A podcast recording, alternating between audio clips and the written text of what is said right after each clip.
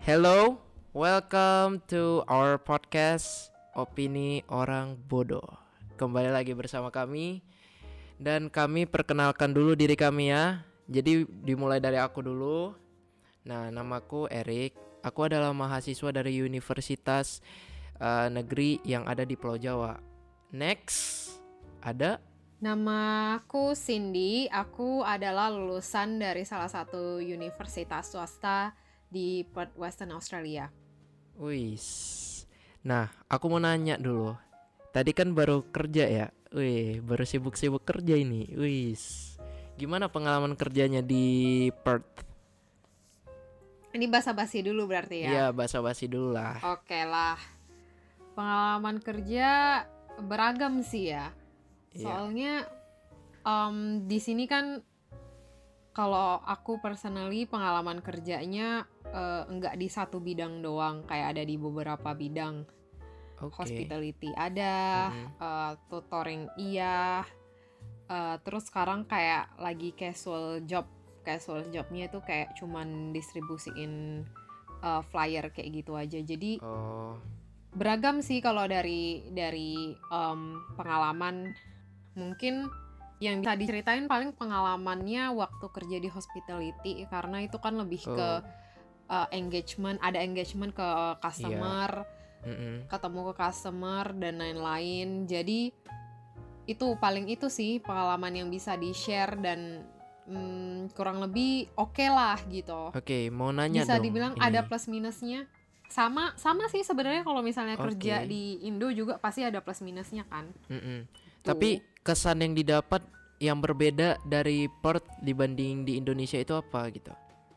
Kalau dari segi Oh, eh, oke. kerjanya ya, eh, berdasarkan experience saja. dari segi kerja pertama mungkin dari aspek customernya dulu kali ya Oke. Em, di sini berasanya sih customernya kayak lebih respectful aja ke pekerja. Kenapa ya? Karena kayak kalau kita nge-serve mereka, kalau kita em, istilahnya kita ngelakuin pekerjaan Oke. kita ya itu kan Mhm. emang seharusnya kita dibayar untuk melakukan pekerjaan kan. Tapi mereka mereka tuh sopan banget kayak mereka tuh bener-bener respect apa yang kita kerjain dan bener-bener thankful gitu loh jadi setiap kita melakukan pekerjaan kita yang eh, ada engagementnya sama customer mereka bakal bilang thank you kayak ya istilahnya greetingnya mereka melakukan greeting dan mereka melakukan penutup dengan kata thank you yang menurut gua eh, itu kita jadi di, di- dirasa atau kita tuh jadi ngerasa kita tuh di respect atau dihargain sama orang Hmm. walaupun pekerjaan kita tuh di- bisa dibilang cuman biasa-biasa aja. Oke. Kalau di Indonesia, gue sih pribadi ngerasa di Indonesia ya, Oke. Gue di posisi di posisi sebagai customer nih bukan sebagai pekerja. Hmm. gue sendiri waktu di Indonesia setiap gue ke resto contohnya contoh simple yang mungkin setiap orang pasti bakal bisa relate kayak em, kalau gue lagi di resto gue dateng ke kasir mau pesen ya gue diem diem aja gue nggak ada kayak yang greeting ke orang kayak Hai apa kabar kayak gitu Oh. kan kita rasanya aneh oke, gitu kan oke. kalau Iya, ke iya. ka- ke Iya. staffnya yang kerja di Mm-mm. situ kita nanya Hai apa kabar gimana harimu kayak kayak gitu terus kita baru order Oh. hal-hal kayak gitu kan agak-agak aneh kalau Iya, kita tanya Berarti di Australia Ah. kayak gitu. Australia em, beberapa customer ada yang nanya Oh. tapi kalau kalau misalnya gua nih gua sepa- sebagai pekerja atau gua sebagai staff yang kerja di suatu perusahaan dan eh, mengharuskan gua berurusan dengan customer atau eh, berbicara dengan customer hal itu tuh pasti akan gua lakukan Oke. gitu istilahnya gua kerja di bank. Pasti ditanya kayak eh, Hai apa kabar? gitu. Gimana harimu hari ini? Oh. gitu jadi itu kayak semacam basa-basi formal yang dilakukan oleh orang-orang di sini Oh. sebagai kesopan santunan dan respect aja sama orang Berarti terus setelah uh, society di uh, Australia ya for some people mereka uh, lumayan concern tentang uh, surroundings kan berarti mm, Enggak juga sih. Tapi bu, maksud aku dalam mereka, hal itu gitu. Eh, enggak juga sih kayak menurut gua itu halnya mungkin lebih ke basa-basi Hmm. kan. Pertama, emang udah culture dan eh, mungkin kayak habitnya mereka, tradisinya mereka juga ngelakuin hal kayak gitu. Jadi mereka udah kebiasa Oke. aja kayak mereka ngerasa Mm, sopan santun ya sebatas itu. Um, terus gua terus gua lanjut kalau di Indo ya. Iya. Kalau di Indo setelah kita order juga kadang kita ngomong terima kasih, kadang kita nggak ngomong terima kasih kan kayak yang begitu order bayar ya udah kita pergi gitu aja Iya. gitu kan. Gue sih sebagai customer lebih sering pergi tanpa tanpa bilang terima kasih, tanpa uh, ngomong uh, semoga hari hari Anda baik gitu. Oke, jadi Formal lebih banget ke ya. habitual ya eh, perbedaannya. Uh-uh. Oke. Cuman kalau orang di sini tuh begitu kita bilang lah kalau gue staff di di resto, Hmm. gue gue udah serve customer, mereka udah bayar, mereka udah order, terus gue ya akan sebagai uh, sebagai hal yang formal gue akan ngomong Mm, thank you, have a good day gitu-gitu kayak hal-hal yang kayak gitu, hal-hal kecil, kata-kata kecil yang em, yang yang formalitas dilakukan dengan orang itu kayak menurut gua mereka melakukan itu tapi kayak menunjukkan respect Oke. mereka ke orang-orang yang eh, cuman sebatas pekerjaannya Iya, iya. kayak mungkin eh, waitress atau ya yang kasir kayak kayak gitu sih. Oke oke, let's stop for that, Oke. let's stop for that. Karena kita mau bahas yang lain sebenarnya. kita mau bahas yang lain, oke? Kali ini kita bakal bahas topik yang berbeda dari podcast sebelumnya tentunya. Kita bakal bahas soal cuan. Cuan, siapa yang nggak suka sama Oke. cuan ini? Wis. Kalau aku suka. Ya, nggak ada lah Iya, orang yang iya, nggak suka iya. ya namanya juga setiap orang kerja demi duit. Iya, iya. Oke. Nah, kali ini topiknya kita bahas tentang uang. Nah, kita bahas dari beberapa aspek yaitu dari definisi uang bagi kita sendiri sama kegunaan uang itu. Tapi perbedaan em, topiknya kali ini adalah kita membahas pandangan kita tentang cuan itu dari kita anak-anak sampai kita ke status saat ini, oke? Kita bakal bahas itu, kita bakal sharing semuanya. Jadi ini enggak me- bukan lebih ke ngasih value, ini lebih ke ngasih sharing aja gitu, sharing cerita, oke? Ini lebih ke berdasarkan pengalaman Iya. kita sendiri sih Mm-mm. kayak development kita gimana kita lihat uang Iya, dari kita ya kecil sampai kita gede sampai kita eh, sekarang gimana cara kita manage uang yang kita ada Oke. gitu. Pertama mau siapa dulu nih? Siapa dulu? Lu dulu deh. Oke aku ya. Oke menurut aku kalau uang ya, I'ma keep it short, oke. Kalau dari kecil ya, dari masa anak-anak, menurut aku itu uang itu lebih ke kekuatan untuk memiliki semuanya. Contoh, aku itu dulu suka eh, mainan, of course ya, semua anak-anak suka mainan kan. Jadi aku mikir kalau misalnya aku punya uang, aku bisa punya mainan. Dan terkadang kalau misalnya kita pas anak-anak hati kita itu mulia sekali gitu.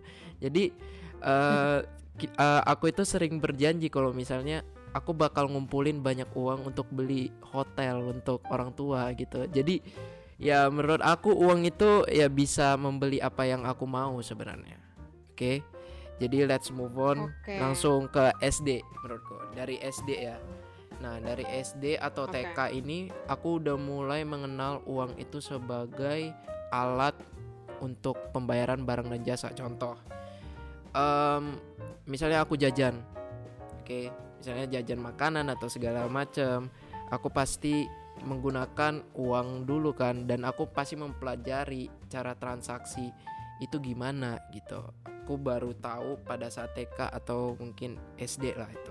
Nah terus next aku mulai mengenal yang namanya menabung oke? Menurut aku uang itu bisa ditabung. Jadi pas SD aku itu punya uang kayak dikasih per hari 3000 lah gitu kan? 3000 ditabung tabung tabung jadi 3000 kali 6 kali 4 itu berapa dah? Udah 3 3 kali 6 3 18 18 kali 4 eh kayak 52.000 untuk sebu sebulan gitu ya untuk sebulan. Nah gitu. Jadi aku mulai menabung dari situ dan aku lumayan pelit dulu. Jadi aku bahkan nggak jajan sama sekali karena mau nabung gitu. Apalagi pas zaman zaman imlek oke? Nah lanjut langsung. Terus aku mulai mengenal yang namanya sistem taruhan gitu loh taruhan nah kalau misalnya kalian tahu ini uh, ada permainan upin ipin yang stick es krim stick es krim Oke. Nah, oke itu misalnya permainannya kayak um, uh, stick kita, stick es krim kita itu harus menimpa stick es krim lawan dengan cara ditiup maupun ditepuk di lantai gini. Nah, Oke. um, sebenarnya price-nya itu adalah bagi yang menang itu adalah uh, stick es krimnya si lawan. Tapi karena teman-teman aku pada saat itu minta price-nya itu adalah uang dan awalnya itu aku nggak mau coba tapi sekali-sekali coba mungkin dapat uang gitu Nakal ya kecil-kecil. Iya. Nah, mungkin dapat uang gitu kan, dapat uang. Nah, eh first try langsung dapat uang, first try langsung menang. Dan wah, rupanya Oke. menguntungkan juga ya ini ya. Aku bisa dapat uang, misalnya aku bisa save uang lebih dari 3000 untuk em, untuk memperbanyak untuk memperkaya diri gitu dengan cara taruhan. Nah, aku lumayan tertarik dan lama kelamaan kalah juga kan dan aku juga pernah habis uang karena itu gitu loh. Jadi itu sharing aja. Oke. Nah, ini kalau mau dipotong boleh sih. Atau mau da- atau mau sharing dulu? mau Kenapa sharing dulu? dipotong? Dipotong percakapannya aja, udah, dipotong udah percakapan sharing, gitu. tiba-tiba dipotong. Potong Oh, iya. percakapannya. Jadi Oke. Enggak, enggak bukan jadi dipotong ini video. sampai SD, Oke. sampai SD aja Iya. ya. Nggak nggak lanjut sampai SMP SMA. Terus habis itu baru kita Nah, ini- ka- eh, potong sampai kita ngebahas yang sekarang gitu. Oke oke, enggak kita langsung bahas dulu lah. Dari tadi kan aku bicara terus nih, ya kan? Kan eh, nggak even gitu. Lanjut dari CC. Oke lah. Kalau aku tuh kecil sebenarnya udah ngerti uang. Kecil. Dari kecil tuh udah ngerti uang. Soalnya kayak apa ya? Eh, aku dititipin sama orang tua kalau jangan sebarin aib dulu. Oh oke oke oke. Oh berarti yang itu nggak boleh dikasih Itu kamu tahu dikasih ya? tahu.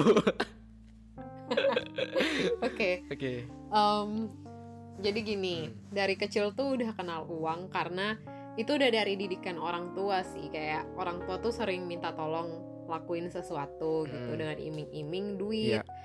Nah jadi em, itu sekitar aku TK. Mm-mm. Jadi waktu TK itu aku dimintain tolong misalnya nih, nih mamaku nih, "Eh, Cindy, tolong dong ini misalnya. Oke. Nah ininya itu disensor nggak boleh Iya, dikasih iya. tahu karena karena mamaku nggak mau. Iya, iya. Jadi eh, singkat cerita, em, Cindy, tolong buat ini dong. Oke, oke. Ya udah dong, gue ngelakuin. Jadi misalnya Cindy tolong cuci piring. Oke Oke. ya udah gue cuci piring Mm-mm. gitu kan dengan diiming-imingin satu piring yang dicuci 100 perak contohnya kayak gitu Oke, 100 oke. perak rupiah nih Oke. Mm. jadi ya udah kalau misalnya gue cuci piring makin banyak kan duit gue makin banyak gitu pemikirannya Hmm. Em, dan waktu itu tapi gue belum tahu nih 100 perak itu value-nya berapa bisa dapat apa Oke. gue belum tahu yang gue tahu tuh cuman kalau gue nabung banyak gue bisa kaya nah itu pemikiran gue TK Oke.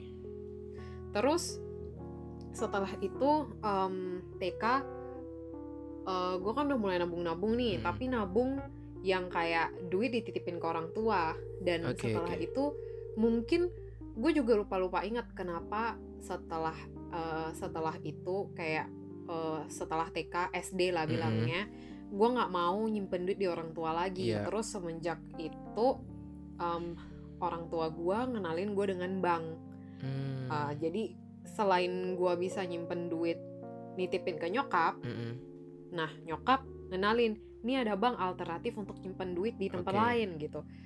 Awalnya gue mikir, eh coba nggak ya? gitu, cuman orang tua udah bawain ke bank dan Iya. udah dibukain tabungan. Mm, karena gue tuh setiap setiap imlek juga selalu iya dapat iya. duit gitu selalu dapat angpau. Jadi em, jadi ya Eh, ya aku mau confess sesuatu aku mau "Eh, confess sesuatu apa? Aku suka iri ketika Apa? kalian memiliki banyak angpau. Oke oke. Eh, jadi ini aku mau sharing nih cerita, aku mau sharing keluh kesahku nih. Dari dulu tuh apa lagi enggak dari dulu itu eh, kalau misalnya dari bersaudara ya bersaudara empat bersaudara eh, kakak pertama terus kau terus aku terus adik ya kan? Nah Hmm. aku tuh selalu mendapatkan angpau terendah dulu aku aku nggak tahu Iya. kenapa apakah gini, ada apakah ada Jadi ceritanya diskriminasi gini gitu teman-teman, ya kita tuh empat bersaudara. iya Eh, satu tuh yang pertama itu eh, cewek. Jadi aku aku ada kakak cewek. Aku tuh Iya. anak kedua. Mm-mm. Eh, Erik itu anak ketiga dan kita Iya. ada satu lagi anak cewek. eh, adiknya si Erik. Nah, Mm-mm. jadi singkat cerita, setiap Imlek tuh kita selalu dikasih nih. Dari dulu kecil kita selalu di selalu dikasih. Nah, setelah itu tuh Aduh. kayak ya ini kan masih polos ya Iya, semuanya ya. Kita tuh masing-masing hitung sendiri. Mm-mm. Kita selalu masing-masing Iya. hitung sendiri. Terus begitu ditanya di ditanya sama orang tua, jadi tuh setelah kita hitung kayak selalu ada tradisi dari kita itu untuk kayak berempat ngumpul duduk di satu ruangan. sharing Terus, dapat Nah, di, berapa di ruangan itu bakal ada bakal ada nyokap kita. Dan Iya. nyokap kita yang biasanya nanyain dapat berapa nih? Dapat berapa nih? Pokoknya disebutin satu-satu ditanyain satu-satu dapat berapa nih? Jadi kayak yang lain itu bisa dengar gitu di Iya. depan saudara-saudara yang lain. Jadi Oke. kayak eh, misalnya nih gue dapat eh, sekian. Eh, kakak gue dapat sekian. Nah nominal yang gue dapat sama kakak gue selalu sama. Heeh. jadi itu logikanya nominal yang adik gue dapat yang si Erik dapat Harus sama, Ica sama. itu harusnya sama. Ica itu adik gue yang paling kecil. iya Karena mereka jauh umurnya itu Dua nggak nggak- jauh dua banget, tahun cuman dua tahun. Sedangkan gue sama kakak gue tuh cuman satu tahun. Mm-mm. Nah terus awalnya itu selalu sama. Mm-mm. Semenjak kapan gitu gue nggak ngerti. Semenjak Erik udah mulai gede, udah mulai uh, remaja gitu. enggak dari Nah, kecil sih dari kecil aku ingat Dari dari, kecil ya? SD gitu Oke, jadi semenjak SD nggak ngerti gimana uang angpau itu selalu yang paling kecil gitu. enggak ini Jadi seakan-akan kayak dia adik gitu. Enggak. Jadi dia cuma wi- ini kayak, ini fact ya sekarang cuman ini kayak- fact Eh, ini faktanya ya S- eh, sampai sekarang angpau aku itu masih yang paling kecil ya itu adalah misteri. iya itu adalah Mungkin misteri ter eh, Nggak ngerti, ya? nggak ngerti kenapa. Cuman ya gitulah. eh, Nah, oke. terus lanjut, lanjut ya. lanjut Lanjut ke gua nih. Hmm. Gua tadi sampai mana nih ya? sampai Lupa loh. nabung nabung ke bank Em, terus ada angpau nabung, di ke bank Nah, karena gua nggak percaya kalau nitip duit ke nyokap gitu kan. Jadi gua nabung di bank. takut dicuri takut. Iya, gue tuh takut kalau dipakai diem-diem terus gue kan nggak selalu keep in track ya duit gue berapa. iya, iya. Nggak, jadi itu maksudnya ketakutan waktu anak kecil aja kan kayak sharing kan. Nah setelah itu ya udah gue keep duit gue di bank dong. Mm-mm. Nah setelah eh, gua buat account buku tabungan ada kayak nyokap tuh kadang suka berkala waktu gua setor duit waktu imlek Iya, atau nah jadi tuh gua satu tahun selalu nyetor duit sekali mm-mm. waktu imlek karena imlek itu gua dapat duit eh, cukup bisa dibilang cukup gede lah untuk Iya. anak kecil dan uang tabungan-tabungan uang jajan gue itu juga gua setor sekalian sama uang imlek jadi gua gabungin biasanya Mm-mm. Nah, begitu gue setor, jadi kayak regular regular gitu per tahun gue selalu update saldonya berapa lewat buku tabungan. Kayak print buku tabungan, lihat wah ini duit sekian nih. Jadi gue kayak udah mulai punya obsesi sendiri untuk selalu ngecek eh, buku tabungan gue kayak ke bank untuk print buku tabungan selalu Wah. kayak ada obsesi kayak gitu. adiktif ya adiktif Nah, singkat cerita, nggak adiktif. Singkat cerita sampai sekarang loh, sampai sekarang loh itu. Tapi sekarang udah pakai Habit, uh, habit. aplikasi HP kan. Hmm. iya jadi bisa Terus, cek setiap saat em, mm-mm, bisa cek setiap saat. Mm. Jadi singkat cerita, gitulah pandangan gue mengenai uang. SD gue udah tahu kalau uh, segala sesuatu bisa diuangin Oke. temen gue ada namanya uh, gue kasih tahu nama lah ya. Jula-jula. namanya Wilson itu tetangga kita juga loh Oke, dia tuh oke. selalu ngejual stiker-stiker nama di kelas untuk dipakai eh, ngecoverin tulisan-tulisan yang salah kayak gue mikir ya ampun stiker nama satunya dijual 50 eh 500 perak. Iya, iya. Em, ya ampun kayak gini aja dibisnisin kayak gini aja dijualin gitu sama temen doang gitu kan gue mikirnya. Tapi kayak kayak gitu dia dapat duit. Jadi gue tuh SD kayak ngeliat temen gue udah kayak gitu tapi gue nggak berniat untuk melakukan kayak gitu ke temen sendiri. Nah setelah gitu eh, SMP nih SMP jadi gue kasih tahu ya gue tuh dari dulu dapat uang jajan. Ya, Em, tapi itu gue orangnya spender banget. Jadi kalau misalnya gue kecil nih SD SD 50.000 ribu aja itu nominalnya udah gede kan iya, iya. nah kalau gue dikasih 50.000 ribu dalam sehari gue bisa habis apa aja gue belanjain Waduh. nah kayak gitu relationship gue sama duit kayak gue tuh bener-bener yang shopaholic Oke. apa aja gue jajanin jadi kayak duit bisa habis tapi semenjak SMP gue udah mulai ngerti nih gue butuh duit untuk beli barang gitu Oke. gue ya SD tuh gue udah tahu cuman kayak gue merasa ada kebutuhan yang perlu gue beli waktu SMP Hmm. karena eh, SMP gue udah ngerti kalau baju yang gue pakai kurang bagus Iya, iya. pena yang gue beli setiap minggunya selalu hilang Em, terus ada aja gitu kayak gue gue udah mulai harus eh, nabung untuk ngasih kado ke temen kayak kayak gitu jadi kayak ada kebutuhan-kebutuhan kecil yang harus Iya. gue penuhi Mm-mm. karena itu gue harus nabung. Jadi kayak mulai di situ tuh gue mulai pelit eh, dan mulai nyisihin duit untuk gue beli baju untuk gue jajan untuk gue Iya. keluar sama temen kayak kayak gitu. Gue nggak pernah bener-bener proporsiin cuman kayak gue medit aja gitu sama diri Oke. sendiri. Itu yang terjadi sampai gue SMA Ah, eh, kuliah dan kuliah itu gue mulai bisa memproporsikan duit oke. lanjut Eri Oke, jadi eh start dari aku SMP ya tentang cuan itu ya. Jadi menurut aku pas SMP itu cuan itu adalah menunjukkan seberapa eh, pamor kita akan kekayaan kita. Nah, contoh ya, oke aku tuh bisa heran loh. Kalau di zaman aku pas SMP nih ada anak atau teman aku lah atau bukan teman aku orang lain lah orang lain. Tapi bukan teman aku tapi ya kayak, mana lah stranger lah. Tapi satu sekolah oke? Hmm. dia itu bisa ke Starbucks oke. dia itu bisa ke Starbucks lima kali seminggu. Anjir enggak. Nih, SD ya? bayangin ya. SMP apa SD Hah? SMP ya? Eh, anak SMP SMP SMP dari SMP itu anak SMP ke Starbucks? Serius serius serius serius. Aku nggak bohong Oke. aku nggak bohong. nah jadi menurut aku uang jajan itu pasti mereka tuh banyak kali kan maksudnya em, itu Starbucks berapa loh minum maksudnya aku mau aku dulu ya aku dulu Fanta lima lima ribu aja aku haus kali aku tahan loh Hmm. iya mending aku juga mending aku minta bagi eh bagilah weh ada Eh mending gitu. Fanta. Aku belinya teh manis loh. Teh manis cuma 3.000. 2500. ya 2000 ya oke Itu pun Itu itu, pun masih pelit. tahan loh. itu masih pelit Iya. Aduh, kalau misalnya ya, aku mikir ya, itu berarti dia kaya, terus dia uang jajannya banyak gitu. Hmm. Terus eh, aku juga sering ngeliat fenomena di mana teman-teman aku eh, kalau ada iPhone baru selalu ganti, ada iPhone baru selalu ganti. Wah.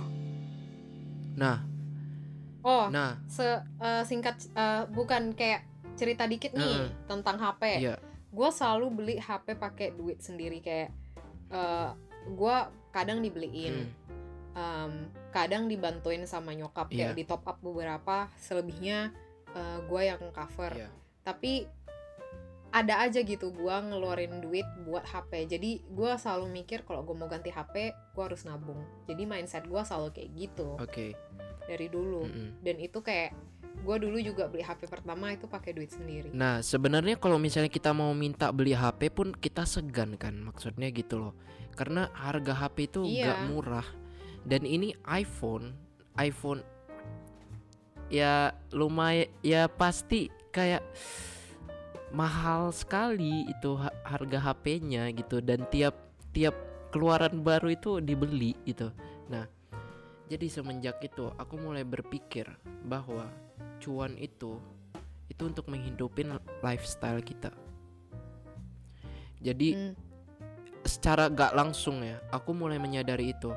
Jadi aku mulai yang namanya menabung lebih rajin gitu dan sebagainya macam dan ya eh Cici tahu juga lah orang tua kita eh, ngajar kalau kita itu mending nabung daripada beli eh, barang yang misalnya kalau mau beli barang mikir-mikir dulu dan sebagainya macam dan itu ditanam di Iya. embed di dalam diri kita dan em, dan kita pun pasti bakal maksudnya aku sendiri personally aku sangat segan untuk minta orang tuaku beli sesuatu dan sebagainya jadi aku mulai pas. SMP itu berpikir kalau em, uang itu adalah em, media untuk membiayai lifestyle kita. Nanti kita bakal discuss yang selanjutnya karena aku mau discuss hal ini juga.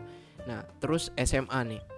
Kalau SMA ini aku mulai yang namanya eh, tahu eh, menabung impactnya lebihnya lagi gimana dan aku mulai mengenal investasi gitu. Tapi aku mulai kenal aja dikenalin sama eh, kakak aku yang sekarang ini ya kan dan em, aku pas di SMA mulai sadar bahwa em, kalau misalnya untuk kebutuhan eksternal kita untuk kehidupan SMA seperti hangout sama teman dan lain-lain itu butuh uang juga. Jadi aku lebih sering nabung gitu.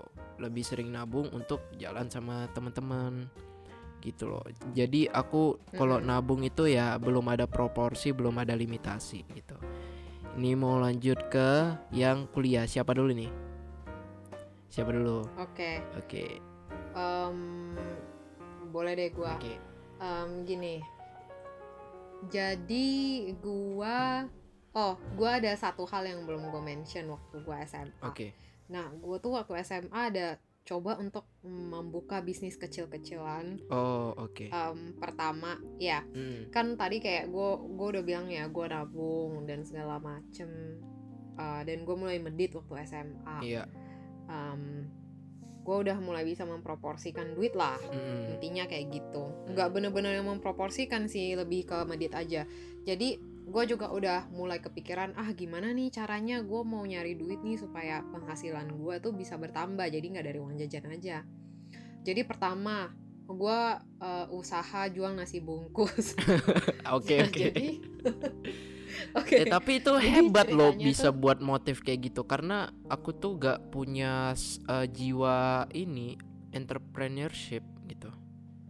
Jadi Nah, Iya. gue awalnya juga nggak ada, cuman kayak gue kan dari kecil dari eh, dari TK, SD, SMP, SMA ke sekolah tuh nggak pernah nggak pernah sarapan heeh. dan kadang malah juga nggak pernah makan siang. oh Jadi kayak pulang baru makan. Bayangin pulang jam Ah. 3.30-an atau pulang jam 4 baru makan. oke jadi kadang. usahanya Atau kadang- terbangun dari eh, keluh kesahnya ya karena nggak makan pagi. Enggak sih. Eh, mulai dari SMA, mulai dari SMA itu gue mulai makan, gue mulai makan nih. oke. Terus ya udah. Mungkin awalnya tuh gue nggak sadar kali ya, gue melakukan marketing yang tanpa sadar gitu. Iya. Jadi gue setiap ke sekolah heeh. selalu kayak bawa bawa nasi bungkus, bawa mie bungkus, ada aja yang gue bawa gitu. Oh iya iya iya makan. iya. Iya, jadi uh, nah cerita singkat eh, cerita singkat nih. Waktu gua Mm-mm. dulu SMP SMA, adik gua si Mm. Erik sama Ica tuh selalu dibeliin nasi bungkus atau Iya, dibeliin eh, apa namanya nasi bungkus kalau nggak mie untuk Iya, iya. sarapan. Mm-mm. Tapi kalau gua nasi bungkus sama mie nggak gua pakai untuk sarapan, gua pakai untuk bawa ke sekolah. Gua makannya untuk makan siang karena kalau kalau gua kayak yang gue bilang tadi, gua nggak kebiasa makan sarapan gitu. Mm-mm. Nah setelah itu ya udahlah jam makan siang teng teng teng gue makan nih nasi bungkus nih Iya. begitu mu begitu buka waduh satu kelas semerbak satu bungkus Oh eh nasi bungkus oke. satu kelas semerbak sama eh, mie pangsit gitu kan Iya kadang Terus suka risih gitu "Ih, sih. Iya. iya ih apa itu sin apa itu sin Kayak gitu lah kan temen-temen Apa tuh apa tuh padahal cuma mau makan. iya a- apa tuh apa tuh beli di mana kau kayak gitulah ditanya beli di mana nih? Beli di mana? Oh Eh, ini aku suruh mama aku beli. Oke. itulah jawabnya Eh, terus maulah nitip maulah nitip besok maulah nitip kalau kau kalau kau beli gitu kan. Iya. oh dari kata mulai maulah nitip. Terus oh ini bisa ke bisnis ini nih. Tapi teman Ya, Anda tahu gitu malu mikirnya. eh, tapi beruntungnya teman Anda tahu malu bukan eh Sin tiap tiap eh, pagi bagilah makananmu kan kayak awalnya bagi Oke, oke. awalnya bagi Oke. cuman cuman aku marah kayak ah, kau tiap kali minta-minta kayak langsung marah lah gitu kan ya udahlah eh, maulah besok nitip kata dia kayak gitu ada saatnya mereka tahu Udah, diri. mulailah mulailah berapa ini berapa ini terus Aduh. eh padahal aku udah tahu harganya Iya. tapi aku jawabnya eh nggak tahu nantilah ya aku tanya dulu mamaku itu yang itu yang ku itu yang ku bilang jadi kan Oke. aku pulang nih mikir wah nasi bungkus mau dijual berapa ini harganya gitu kan Iya iya. tanyalah kan Heeh. tanya ke eh, orang tua gitu Iya. mah ada ada nggak nasi bungkus yang lebih murah lagi tanya kayak gitu Iya iya. Nah, nah jadi singkat cerita tuh nasi bungkus dibeli cuma 7000 ribu Mm-mm. tapi gue jualnya sekitar 10.000 ribu apa 12.000 ribu lah gitu gue jualnya Heeh. cukup murah kan 10.000 ribu Iya, 12.000 ribu murah-murah. dan itu juga kayak seharga makanan kantin kalau nggak kalau nggak salah eh nggak salah kalau nggak salah Sarah. nah terus Oke. ya udahlah kan mulai besoknya eh eh, segini nih harganya mau nggak mau nggak maulah maulah sih maulah. Ya udah banyak yang bilang maulah. Awalnya cuma satu orang yang nitip. Lama-lama bisa lima orang yang nitip. Oke oke. ya udahlah kan semenjak lima orang yang nitip udahlah. Ini besok nggak bawa Catat nama siapa yang mau buku lagi beli. aku ke sekolah. Iya catat nama pertama. Nggak bawa buku lagi aku ke sekolah. Udahlah du- bukuku semua taruh di loker. Investasi loker. Rocker. investasi loker Ah, ah. nih. Ah terus habis itu loker ini ya untuk naruh buku Iya ya iya. Terus setelah itu udah investasi loker eh, mulai. Besoknya tas isinya nasi bungkus semua. Bawa nasi bungkus. Terus padahal tuh kayak modalnya itu di eh, dibayarin sama bonyok gua. Dibayarin sama bonyok gua tapi gua ambil modal dan profit untung semua bersih dan kotor untuk gua. Kayak gua nggak Oke, balikin ke oke, tua iya, iya. oke. Itu bisnis yang sangat menyenangkan guys terus setelah itu um, gue mencoba membuka bisnis kedua lagi ini jadinya ini jadinya bahas bisnis gak jadi bahas cuan ini. oh iya oh iya ya Udahlah ya udah, intinya cerita. intinya eh, cuan itu em, jadi dengan usaha cuan Gak bisa mau, didapat. gue mau cerita, gue mau cerita, Oke, oke. aku mau cerita. Oke oke oke. Eh, Ya udah jadi eh, terus bukalah bisnis aksesoris Aduh. ya kan. buka bisnis aksesoris awalnya cari-cari suppliernya dari mana nih? Masa aku ngambil di itu petisah? Masa aku ngambil di ini? Jadi singkat cerita di depan di depan sekolah gua ada pasar namanya pasar petisah. Ya kali kan gua ngambil supplier dari situ. Iya. ya udah kan gue cari-cari. Dapat nih website nih harganya murah nih. Jadi kayak eh, gua ambil em, apa namanya aksesoris harga belasan ribu gua jual gua jual tiga puluhan ribu gitu kan Hmm, lumayan kan ya lumayan. Nah, terus awalnya gue bikin nih sampai account sosial medianya gue gue jualan di Facebook juga. Cuman nggak laku, coy. Oke. nggak laku. Aduh. Jadi kayak gue sempet kesel kan. Ya mulailah jiwa marketing gue untuk memarketingin barang-barang gue kan. Gue paksa adik gue beli. gue paksa temen gue beli. Akhirnya gue ada penjualan juga, Aduh. tapi gue rugi, nggak nutupin harga modal. Jadi iya. akhirnya ya udahlah gue nggak gue nggak jualan lagi. Nah jadi singkat cerita kayak ya gue cuma mau ngasih tahu, gue tahu kalau gue em, perjalanan gue di SMA gue bisa melakukan sesuatu untuk menghasilkan uang yang dari dulu tuh pengen gue lakukan tapi kayak gue nggak pernah mau lakukan ke teman sendiri karena gue rasa nggak enak Iya, aja iya. gitu cuman SMA udah mulai tega gitu lah Iya, iya. istilahnya Oke. lo lah mau cerita kuliah kan Oke. Eh, jadi aku mau tambah-tambah lagi nih soal SMA. Nih. jadi eh, dari keluh kesahku kan ngelihat orang-orang dari keluh kesahku Panjang juga loh. ya panjang Kita juga belum enggak enggak Eh, menurut aku ya. Nah, menurut aku nanti kita kalau misalnya ini kan kuliah udah kita udah belajar cara na- eh, cara memanajemen uang. Nah, nanti kita bakal bahas next topik ya, manajemen uang. Mungkin di kuliah ya. Jadi kita bisa lebih detail di Oke kuliah dan sebagainya macam. Nah, aku bakal sharing dulu tentang SMA ya. Nah, em, jadi aku eh, mulai juga ya namanya eh, melihat uang itu sebagai eh, perekat perekat sama surrounding. Jujur perekat sama surrounding. Kenapa?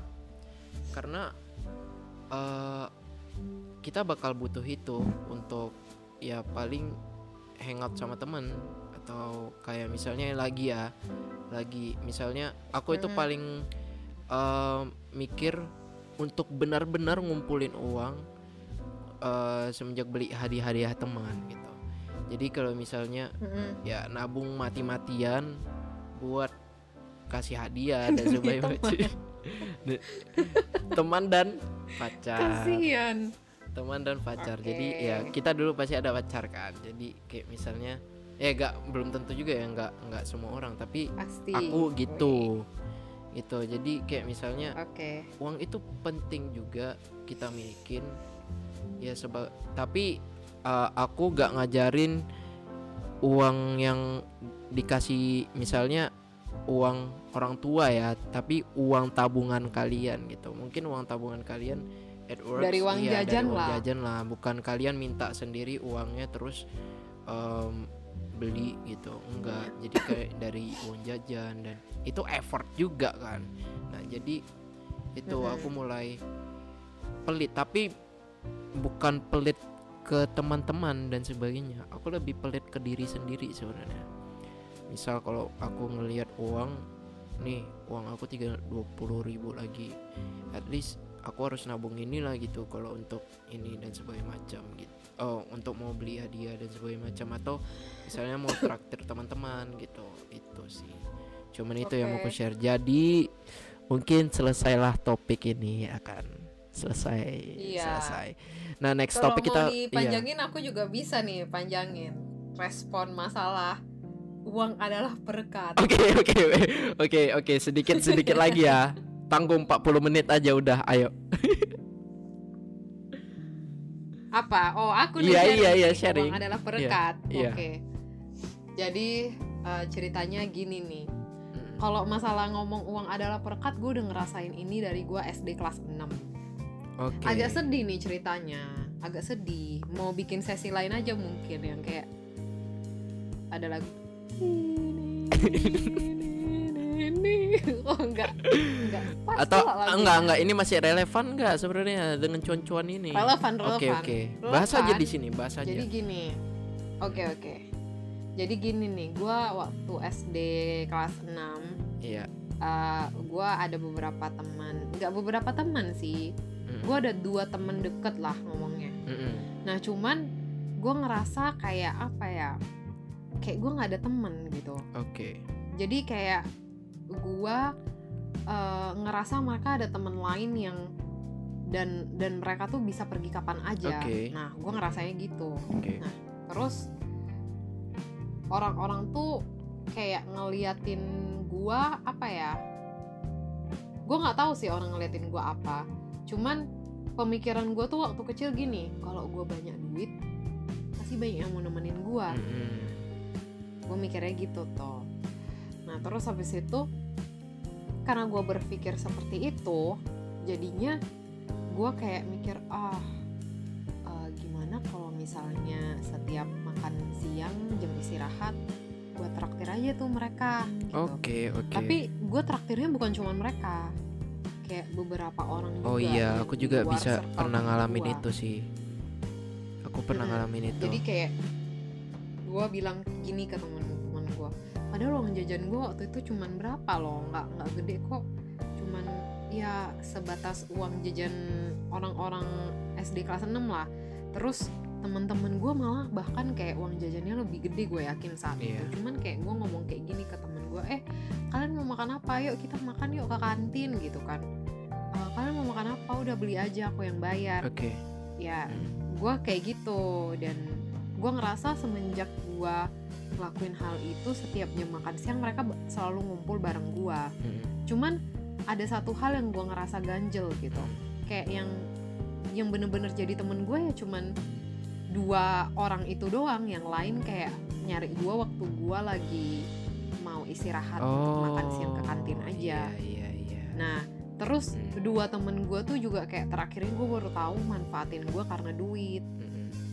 Akhirnya gue tahu dan semenjak itu kayak gue mikir ah anjir kayak sakit sakit hati dong gue kayak ah anjir udah dibaik-baikin gitu kan. Iya, padahal iya, gue iya. baik-baikin juga awalnya nggak ada Mm-mm. maksud nggak ada maksud untuk kayak supaya mereka mau bareng gue gitu. Makanya gue traktir. Enggak kayak gue mikirnya eh, oh ya udah kalau misalnya mau mereka mau eh, mereka mau ini gue ya sih awalnya gue mikirnya kayak gitu sih. Emang kayak gue mikirnya eh, kalau misalnya gue bayar mereka nanti pasti mereka akhir-akhirnya jadi jadi temen deket gue kayak gue salah pengertian jadinya Iya. akhirnya mereka malah manfaatin gue gitu Iya. kan setelah itu kayak SMP SMP gue udah nggak gue kayak oh gue udah lah gue udah nggak mau kayak gitu lagi kayak Oke. jadinya kan kita nggak tahu yang mana teman yang mana enggak kan jadinya Iya. nah jadi SD aja tuh gue udah ngerasain hal seperti itu Hmm.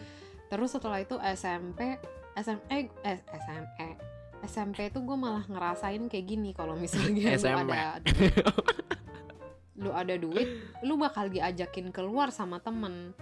Itu Oke, SMP dan oke. SMA sih. Mm-mm.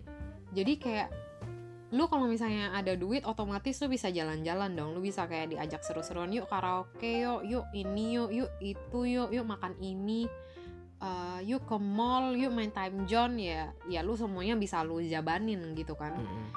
Em, jadi kalau misalnya lu nggak bisa ya iya kali lu ikut bener nggak sih kalau Hmm. misalnya lu lu nggak ada duit eh, diajak yuk nonton lu mau bayar pakai apa cuy Iya, Bener iya. gak sih? Iya, Kayak- bener bener bener. ya waktu waktu waktu SMP waktu SMA mikirnya kayak gitu Iya. gua nggak gua nggak gitu yang kayak eh pinjem dulu lah duitmu nggak Iya, iya. gua nggak nggak gitu mau minjem gitu kan Hmm. gue minjem kalau kepepet aja nah terus di SMP SMA gue ngerasa kalau misalnya oh gue kalau semakin gue banyak duit teman-teman pada makin Pakai- ngajakin iya. gue pergi makin gue gua makin bersosialisasi nih sama Waduh. mereka makin deket nih sama mereka gitu makin deket sama mereka kan Mm-mm. setelah itu SMA gue kayak udah ngerasa ah gue capek tuh kayak gitu gitu Hmm. kan soalnya kan dibilang keluarga gue sama eh, keluarga gue tuh sebenarnya nggak yang sebebas eh, pergaulan-pergaulan Iya, orang-orang iya. Di sekitar temen gue jadi kayak Oh. temen gue SMP boleh pulang malam nah gue SMP nggak boleh pulang malam Em, gua temen gue SMA eh, udah boleh nginep atau udah Iya. boleh pokoknya udah boleh pulang malam nah gue juga masih nggak boleh bahkan gue kayak kadang mau pergi aja masih izin gitu Pokoknya loh. surrounding CC itu Gitu. berbeda dengan teman-teman CC kan misalnya dari regulationnya sendiri dari keluarganya sendiri itu gitu. Dan maksudnya gue ngerasa kalau apa ya keluarga kita tuh lebih strict Iya. daripada keluarga orang Iya, lain iya. dan gue nggak gua nggak ngomong kalau misalnya uang jajan kita kecil ya Iya. maksudnya uang jajan kita juga bisa dibilang cukup, Cukup. lah cuman gue makin ngerasa aja semakin gue banyak duit gue bakal kalau diajak pergi gitu iya. ya makin bisa Makin- pergi makin bisa deket sama mereka kalau enggak Hmm. ya gue kalau nolak-nolak terus kan mereka juga akhirnya nggak bakal ngajakin Aduh. kan gitu loh Tapi aku beruntung sih, maksudnya aku menggunakan uang sebagai perekat itu ke eh, teman-temanku atau ya teman-temanku yang memang stay sama aku gitu. Jadi aku benar-benar eh, di tem- apa ya di surroundings atau di environment yang menguntungkan aku sendiri gitu sih. Jadi kayak misalnya aku menggunakan eh, uang ini atau cuan ini untuk orang yang tepat lah dan aku gak menyesali hal itu Hmm. gitu loh Kalau SMP, ya gue gue cerita kayak gini bukan berarti kayak gue sepanjang SMP, Iya, iya. sepanjang SMA pengalaman gue itu Iya, iya, enggak iya. kayak ngerti gue ngerasa ada di beberapa momen gue ngerasa kalau uh, hal-hal uang sebagai perekat itu akan sema- se- menjadi semakin nyata Iya, uh, iya. waktu gue SMP sama halnya waktu SMA tapi nggak selalu setiap saat Iya. gue ada kok temen yang nggak kita temenan bukan karena duit Iya, iya. bukan karena dia manfaatin gue dan lain-lain gue ada kok yang Eh gitu. tapi tapi Cece dulu orangnya ekstrovert nggak sih dulu? Ekstrovert atau introvert? Em, susah dibilang ya gue Oh. kayaknya makin kalau makin tua gue makin introvert deh gue tuh dulu sebenar kita kan kalau remaja apa ya di masa-masa kita masih bisa eh, adaptasi ke mana pun gue ngerasa kalau waktu gue remaja tuh gue lebih fleksibel Oh. kayak temen ngajak ini ketemu teman baru ketemu teman-teman baru juga lebih Jadi fleksibel. lebih in- eh, Tapi- ekstrovert ya dulu ya.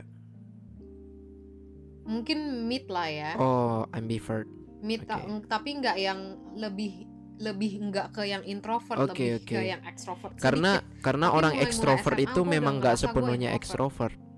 Karena orang ekstrovert pun nggak Oke. sepenuhnya ekstrovert. Jadi ya lebih condong ke mana gitu sebenarnya. Oke. kalau SMP gue ngerasa lebih ke ke beberapa orang mungkin ex mungkin beberapa orang introvert kayak ke kalayak umum gue kalayak kalayak Ah, kalayak. umum gue introvert lah terus gue makin SMA makin kuliah gue makin berasa introvert soalnya kayak apa ya gue semakin ngerasa capek kalau ketemu orang baru karena gue harus yang Beradaptasi keep lagi. Iya kan? ya ber- bukan bukan beradaptasi kayak gue harus harus mencoba untuk keep up sama conversationnya mereka Oke. ngerti nggak sih di saat gue lagi pengen diem aja gitu tapi kayak gue juga nggak suka rasa canggung itu ada di antara kita jadi kayak gue uh, put effort untuk ngomong sama mereka kayak kayak gitu hal-hal yang kayak gitu kayak setelah gue pulang dari sosialisasi itu gue ngerasa aduh gue capek banget gue harus tidur deh Oke. kayaknya tenaga gue terkuras banget nah gue Hmm. ngerasanya gitu jadi gue makin ke sini gue ngerasa gue makin introvert sih Oke. bukan orang yang pengen keluar untuk bersosialisasi enggak sih tapi kayak ke temen-temen yang udah deket banget mungkin ya Oke. itu masih gue masih nyariin Oke, by the way, it- itu udah out of topic. Jadi nanti kita bakal lanjut ke section 2 yaitu manajemen uang menurut kita sendiri. Oke, so thank you for listening, guys. Oke, thank you very much. thank you udah nontonin podcast ini udah ngedengerin podcast ini Em, topiknya agak ngelancur agak Ngelantur, ngelantur. agak ya agak ngelantur maafkan kita Iya. semoga kalian suka eh, Oke. dan kalau kalian suka semoga semoga di like Semoga tolong di like didengar Aduh, aja lah. kayak Didengar. ya semoga Terus, didengar ya. di like kalau kalian suka Ya. komen menurut kalian eh, atau mungkin kalian mau sharing gimana pengalaman kalian mengenai duit kalian boleh sharing di komen Mm-mm. di subscribe untuk eh, konten-konten selanjutnya Oke. thank you Thank you.